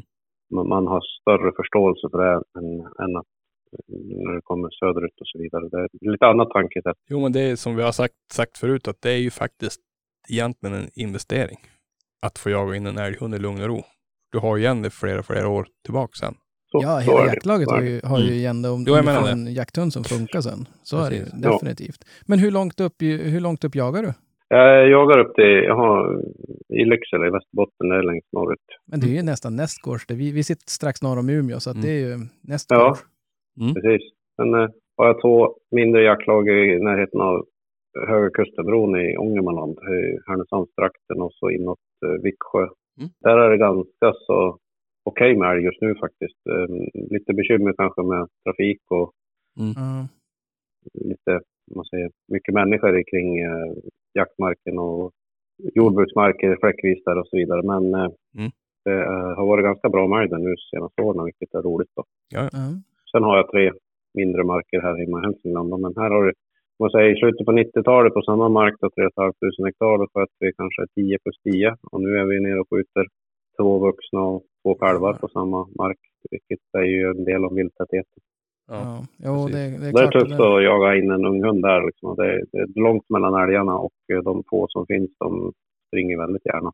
Eh, Ja, de precis. har lärt sig det. Men du, jag tänkte också, du, du, du, du är ju ganska, eller du är säkert jävligt erfaren, men vad tror du är det största misstaget man gör vid injagning? Vad, vad, vad, eller mest, Alltså- flest misstag man gör? Ja, att de har för bråttom. eh, Till exempel det som jag fick höra av Lennart Holmsten. du, ska, du ska gå sakta, du ska nästan ha gikt och ryggskott och fel på knäna om du ska jaga in en hund. Det är hund ska hitta älgen, inte du. Gå sakta pojk, sa. Ja, ja, Eh, Så att eh, det är väl någonting som jag har tagit med mig, att gå sakta, att hunden liksom ska få leta. Sen att, att när hunden gör fel, att, att inte göra så stor sak av det. Liksom. Inte hjälper det. Hundens jaktlust liksom, jag är jättekul om det sitter någon tjäderkull i något trä och kacklar och har sig. Det är- det klart de vill stå där skälla, men, ja, men det är ju gå dit och koppla och gör inte så stor grej av det. Nej. Det är väl också någonting att försöka hålla sig lugn och när man blir blir man på dåligt humör och det går dåligt, man känner, ibland kan man känna pressen som ung jägare att man Mm. ska få fram älg till jaktlaget och det inte funkar och de, de gör ofog eller de kanske driver en hare eller någon rådjur eller Mm. skäller på någon passkytt. Att man inte får, man får liksom försöka att inte för, föra över den här dåliga känslan man själv har på hunden utan Ja. försöka hålla Ja. skenet uppe och peppa hunden. Att liksom, annars är det lätt att om du blir på dåligt humör och låg och grinig, ja då blir hunden liksom och undrar vad den har gjort för fel. Liksom. Och det, det blir ju inget bättre av någonting. nej, nej. Ja, de är ju väldigt, de är väldigt inkännande hundar på så vis. Ja, de, ja, de ja, ja. känner ju Oh, direkt. Det, Ja. det, ser, det ser de ju direkt om man en, en lördag spruckit på travet. Då kom de och säger be om ursäkt. Direkt. Ja. Ja. Men, men ja, och det där är någonting som jag tror är viktigt också att prata om, och som, som slog mig nu när du sa det, att det där tror jag kommer kunna bli ett större problem allt vad tekniken går framåt. För Ja. tidigare så var det liksom hundföraren som visste vart hund var, för den hade pejl. Mm. Mm. Det var Ja. inte så många som var sugen att lägga 7-8 tusen på en pejl för att kunna kolla vart hunden var om Nej. man satt på pass. Nej. Nu går vi mot en, en vardag där allt fler ser vart hunden är alltid. Mm. Vilket Precis. skapar en enorm press för, för hundförare och framförallt då kanske lite yngre som är lite mer, ja men vad ska man säga, inte, ja men mindre trygg i sig själv kanske och, Mm. och så. Ja. Så att det där, är, det där är nog viktigt att, att, att förmedla att eh, Ja, jag vet, inte, jag vet inte om det är bra alltid för en, en passkytt att veta vart hunden är. Nej. Om jag får sticka ut hakan så tycker inte jag alls att de behöver veta det. Alltså vill de veta det då kan de fråga mig. Och vill jag svara då, då gör jag det. Ja, men Mm. och, och så sen är det ju det att jag kan tänka mig att många älgar skulle gilla det, för då sitter folk och kollar ner i pejlen och missar Mm. andra älgar som går förbi. Jo, prata radion, leva om och grejer på. Så att nej. Ja. Det, Ja, nej, det är alldeles riktigt. Och mm, den här tekniken som vi har idag skapar ju möjligheter men också problem på grund av att, att det kan bli för mycket prat om exakt vart älgen är på väg och går exakt mot, nu är den på väg mot pass 77, pass upp Johan, är ni vinklar, går nu mot 78, Mm. pass upp. Mm. Så att där har jag väl lärt mig genom åren att det är bättre att säga ja, nu, nu ser det ut att gå i den riktningen, i det väderstrecket. Eller nu, Mm. nu, ni som sitter nere på Hultvägen, nu får ni titta upp liksom. Och då, då blir det flera passkyttar som får vara beredd. mm. Vilket gör också att passkytt som sitter på passkytt pass 88, 78 till exempel behöver inte bli så nervös för att det är just den som blir utpekad i radion. Oj, nu är älgen på väg till mig. Ja, Ja, precis. Utan, eh, det gör också, att, smart. tycker jag, att Det var Ja, men lite som hundförare så det gäller ju att vara lite så här Mm. att du ska guida ja- jaktlaget att lyckas då. Mm. Så det är ett sätt liksom att försöka på, på ett bra sätt referera vad det är som händer och efter ett upptag när det blir tyst, ingen hör någonting, vart bär det iväg? Mm. Och alla undrar ju det, så det är Jo. inte alla som har den här tekniken. Och, men det är precis som du säger, fler och fler som skaffar sig och WeHunt och man Mm. har puckar på hundar och ena med andra som gör att alla kan följa det då. Mm. Nej men rapportera hellre väderstreck och, och ungefärlig vilka pass, några stycken som behöver Mm. hålla upp ögonen. Då, då, då Ja. sprider man nervositeten också på jägarna. Ja, men också är det ju så, är det, är det en älg som är uppe på klövarna och att det är någon hund efter så hör de ju och framförallt så ska ju även, det är som du säger, de stora står ju oftast kvar. De är ju inga gentlemän på så vis, så att de smyger ju ut Nej. någon annan väg. Så att Mm. eh, Ja, då, ska ju all, då ska ju alla vara på tå så att säga, att nu, nu händer det grejer här. Mm. Mm. Så att, eh, det, det tror jag bara är klokt. Och jag vet, det där har man ju varit med om några gånger när, när det börjar skälla och så sen då står jag och kollar. Jag säger, "Va, men nu går den där förbi pass 17. Mm. Den kommer snart Mm. här. Mm. Eh, men jag, inte, jag säger ingenting bara för att ja, men, eh, jag ska inte stressa upp någon. Eller, och så sen då hör någon som ropar, vart är du på väg? Ja. Mm. Och så, det var ju då såklart den som satt på pass 17. Jag bara, Ja. inte till dig, ser man bara hur du vinklar. Nej. Och, Ja. så att, ja, eh, men nej, det där är... Men, men, men det är lite bra tips där. Och jag Mm. tänkte det, om, om man ska försöka, vi har surrat en stund här nu så vi ska försöka ta och sammanfatta det här. Men Mm. om man nu eh, lyssnar på det här och tänker bara shit, det här är ju... Eller vänta, vi kan säga som så. Vad, vad, om du ska få, få sälja in vit älghund, varför ska man, om man går i älghunds köpartag, varför ska man köpa en vit älghund? Eh, Det är en lagom stor älghund rent storleksmässigt. Mittemellan gråhund och jämthund. De är bra i barnfamiljer. Har uppfött fem kullar jag med, när grabbarna var små. Det var aldrig varit några bekymmer. Mm. Det är peppar peppar en hållbar hund har jag upplevt. Som jag har haft. Jag har inte behövt sprungit till veterinären med massa penicillinkurer och, och strul och så vidare. De har hållit och jagat. Mm. Ja. Det har varit trevliga hundar. De har haft ganska stor jaktlust, som jag har haft i alla fall. Och de har jagat både, både grävling och, och, och älg och någon har väl skällt björn. Mm. Vet att det är många söderut som använder dem på vildsvin. Där är de väldigt lämpliga då i både att de är lätt att se inne på ett ståndskall. För det kan vara trångt i grantätningar och eh, de är snabba ofta och, och kan hinna undan då när de gör sina utfall. Mm. Mm. Ja, men så tänker jag att det är inte alltid så jättestora marker söderöver som jag har förstått det. Nej, precis. Så att det är bra att de, de är samarbetsvilliga. Ja, samarbetsvilliga och just det här alltså lagomt påhäng på sken eh, älg, om man säger 2-3 kilometer eller 30 minuter ungefär, är oftast tillbaka. Mm. Och väldigt duktig på just gå tillbaka i retur. Mm. Vilket gör att du har hunden med dig hem eh, på kvällen då. Eh, skulle det stå en väldigt snäll älg så visst har jag haft hundar som har stått och skällt en hel natt liksom, men, men eh, det, det är un, undantagsfall att det har blivit så. Och nu kan man ju ha koll på tekniken, att de står på skogen och skäller. Men Mm. Ja. om det inte är rovdjur i närheten så är det inga bekymmer. Men eh, Precis. Eh, ofta så går de, eh, brukar de sluta när det blir mörkt, så brukar de bryta då. Och Mm. det, det gör ju även en, en hel del jämthundar och gråhundar att de ger sig då. Det, Ja. det är en bra Du vet hur det har, fo, Ja. fostra och jaga in dem där Mm. mycket. Nej, Jag, jag gillar också det. Jag har ingenting för att de ska stå och skälla mitt i natten. Nej. De blir som så slö dagen efter. Då. Alltså det är bättre att de får ligga och vila. Ja. Det. Ja. Det är också en fördel faktiskt. Ju- Just det här nu med, vi, vi går mot en tid med lite varmare klimat, misstänker vi att det är faktiskt så. Och Mm. Septemberjakten är ett bekymmer när det är varmt och vi är ute och jaga. Eh, ofta så orkar vi kanske bara jaga förmiddagsåten innan det är på bli uppåt 20 grader mitt på dagen. Mm. Ja. Och där har du en hund som släpper med skenälgen efter 2-3 kilometer så har du en hund som inte gör slut på sig själv på en älg som inte du får tag i. Utan du har ju en hund som är faktiskt ganska fräsch och frisk Mm. Även efter sju dagars jakt. Och, och jag har ibland jagat upp till 11-12 dagar i sträck i olika jaktlag med samma hund. Och, och eh, man har natur- naturligtvis växlat hundar. Jag åker med två hundar för det mesta och jagar och man byter förmiddag, eftermiddag, man vilar ibland och sitter någon. Men Mm. de har liksom fixat det och det tror jag är en av orsakerna just att de gör ju sällan de här tokturerna som är liksom 4-5 mil eller Nej. jättelånga skensvängar som, som gör, tar slut på hunden fysiskt. Ja. Så det är en fördel jag ser. Jag, jag kom på en fråga nu. Jo, Mellan tummen och pekfinger, hur många jaktdagar tror du du har på älg? Ja, jag jagar nog älg ungefär en 40 till 50 på en Mm. höst. Ja.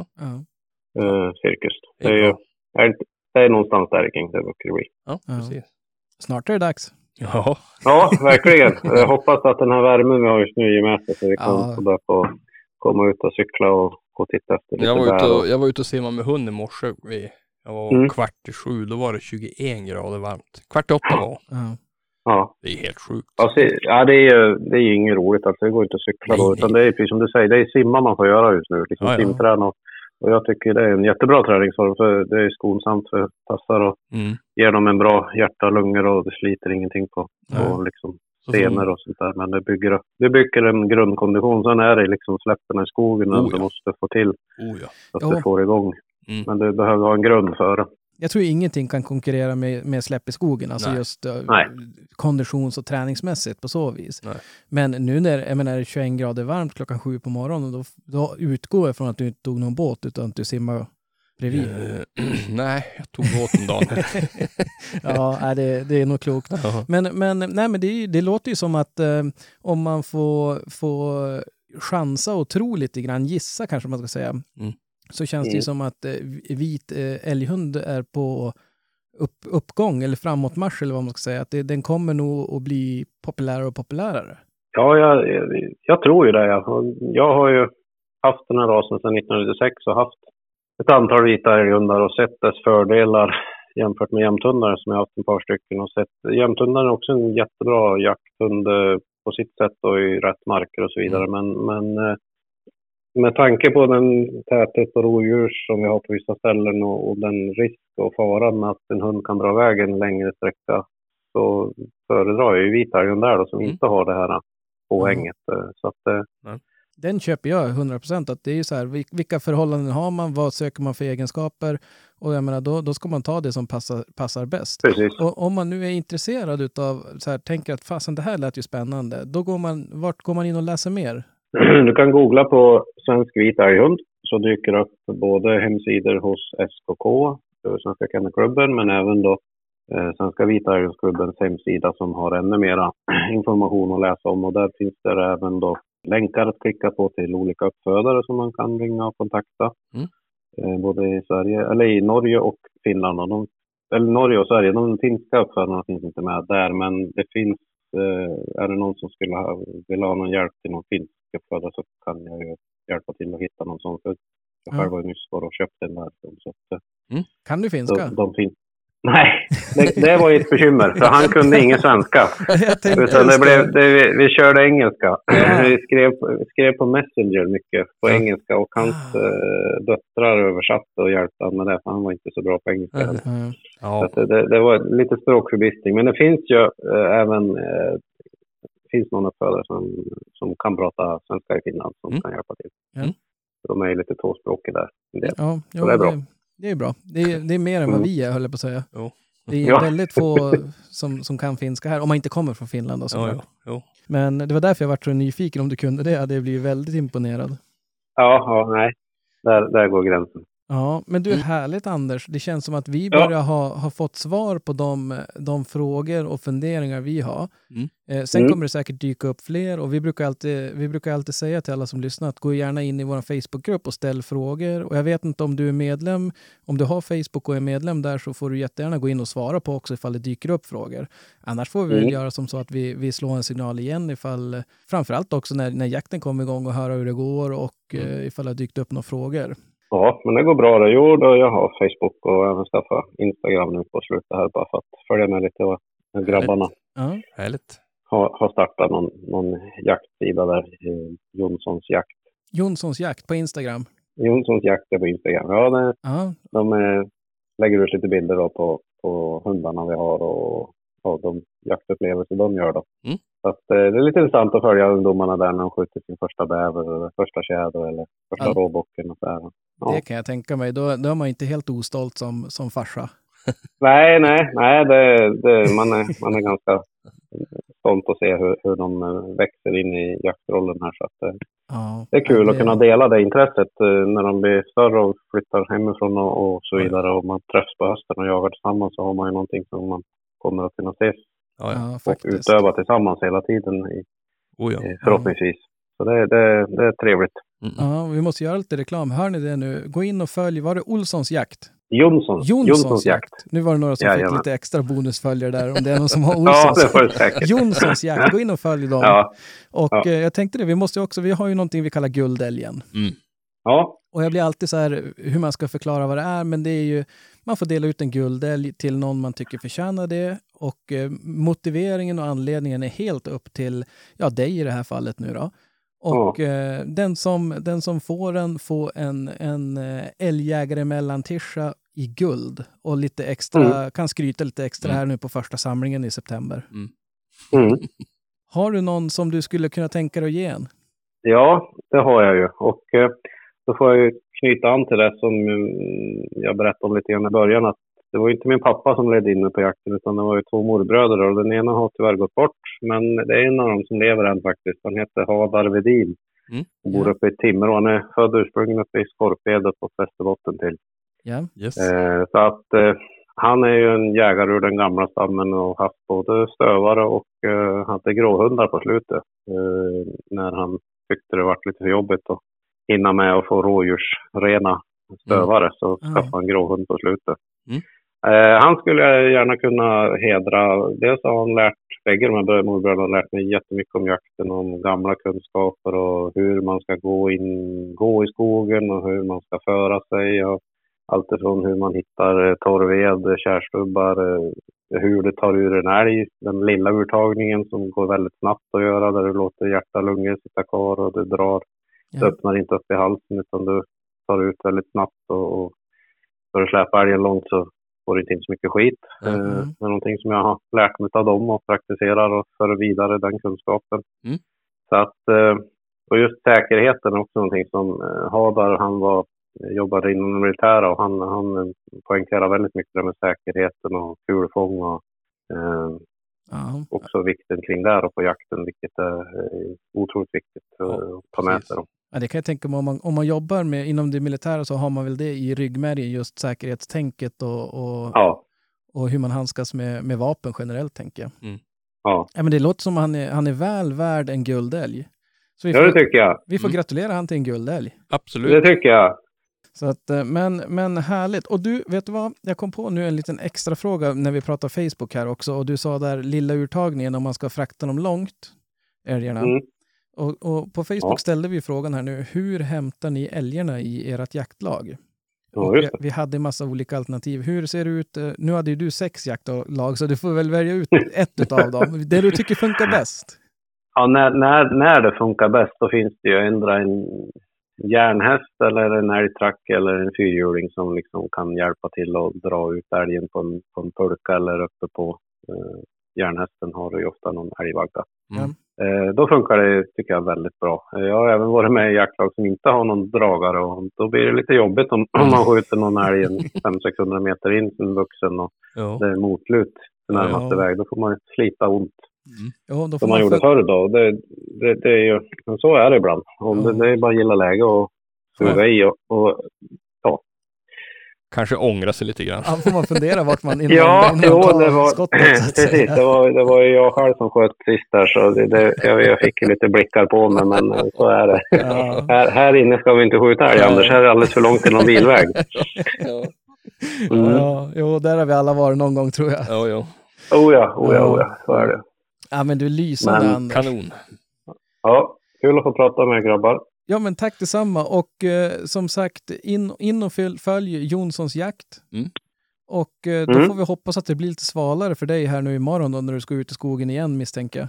Ja, jo, det hoppas jag. Det ska slå om snart här och det regnar på torsdag, fredag här, så att eh, det behöver. Ja. Då får man, får man klaga på att det regnar istället. Ja, men vi vill ha lite regn. Nu har så Ja. höga brandrisker också, så det är Ja. bekymmer för maskinerna. De måste köpa nätterna och grejer. Ja, ja nej, men det Stökigt förstår jag faktiskt. Det behövs lite regn. Jag tänker bara för min egen gräsmatta.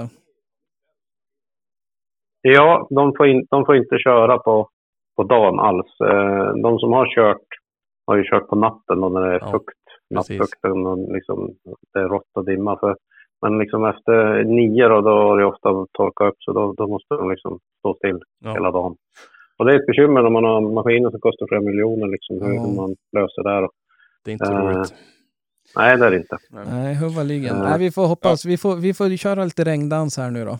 Ja, lite lagom. Så, så blir det nog bra. Men eh, Ja, jag vet inte, jag skulle vilja tacka så hemskt mycket att vi fick eh, ringa och störa dig.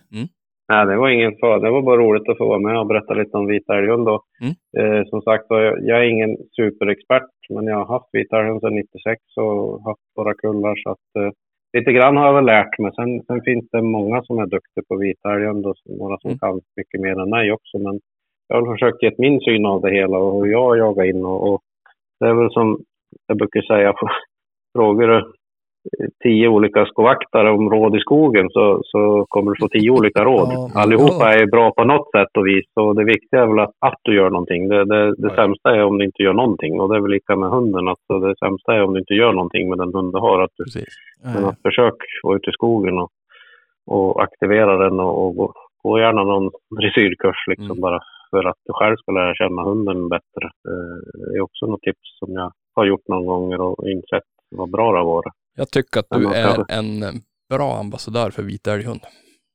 Ja, snällt. Ja. Tack. Nej, jag håller med. Jag håller med. Jag, tror att, eh, jag, jag tycker att det har varit väldigt intressant att få, Mm. få surra med dig här nu och jag misstänker att det är nog många som lyssnar på det här som blir lite nyfiken och eh, säkert vill veta mer. Mm. Så att eh, det är Ja, steg ett. Följ, följ Jonssons jakt på Mm. Instagram. Jonssons jakt, jajamän. jajamän. Så är det, det får, det får ko- kolla lite där. Precis, och kontakta eh, älghunds, vit älghunds, heter det Vita älghundsklubben? Ja, Svenska Vita Älghundsklubben, den finns på, Mm. på nätet. Där finns det mycket mer att läsa och länkar och så vidare. Kanon! Lysande. Ha en fortsatt eh, trevlig kväll så hörs vi och ses. Jajamän, ni med och eh, skitjakt senare i höst. Tackar, Tack tackar. detsamma. Ja, bra. Ha det bra. Hej då. Hej. Hej. Jag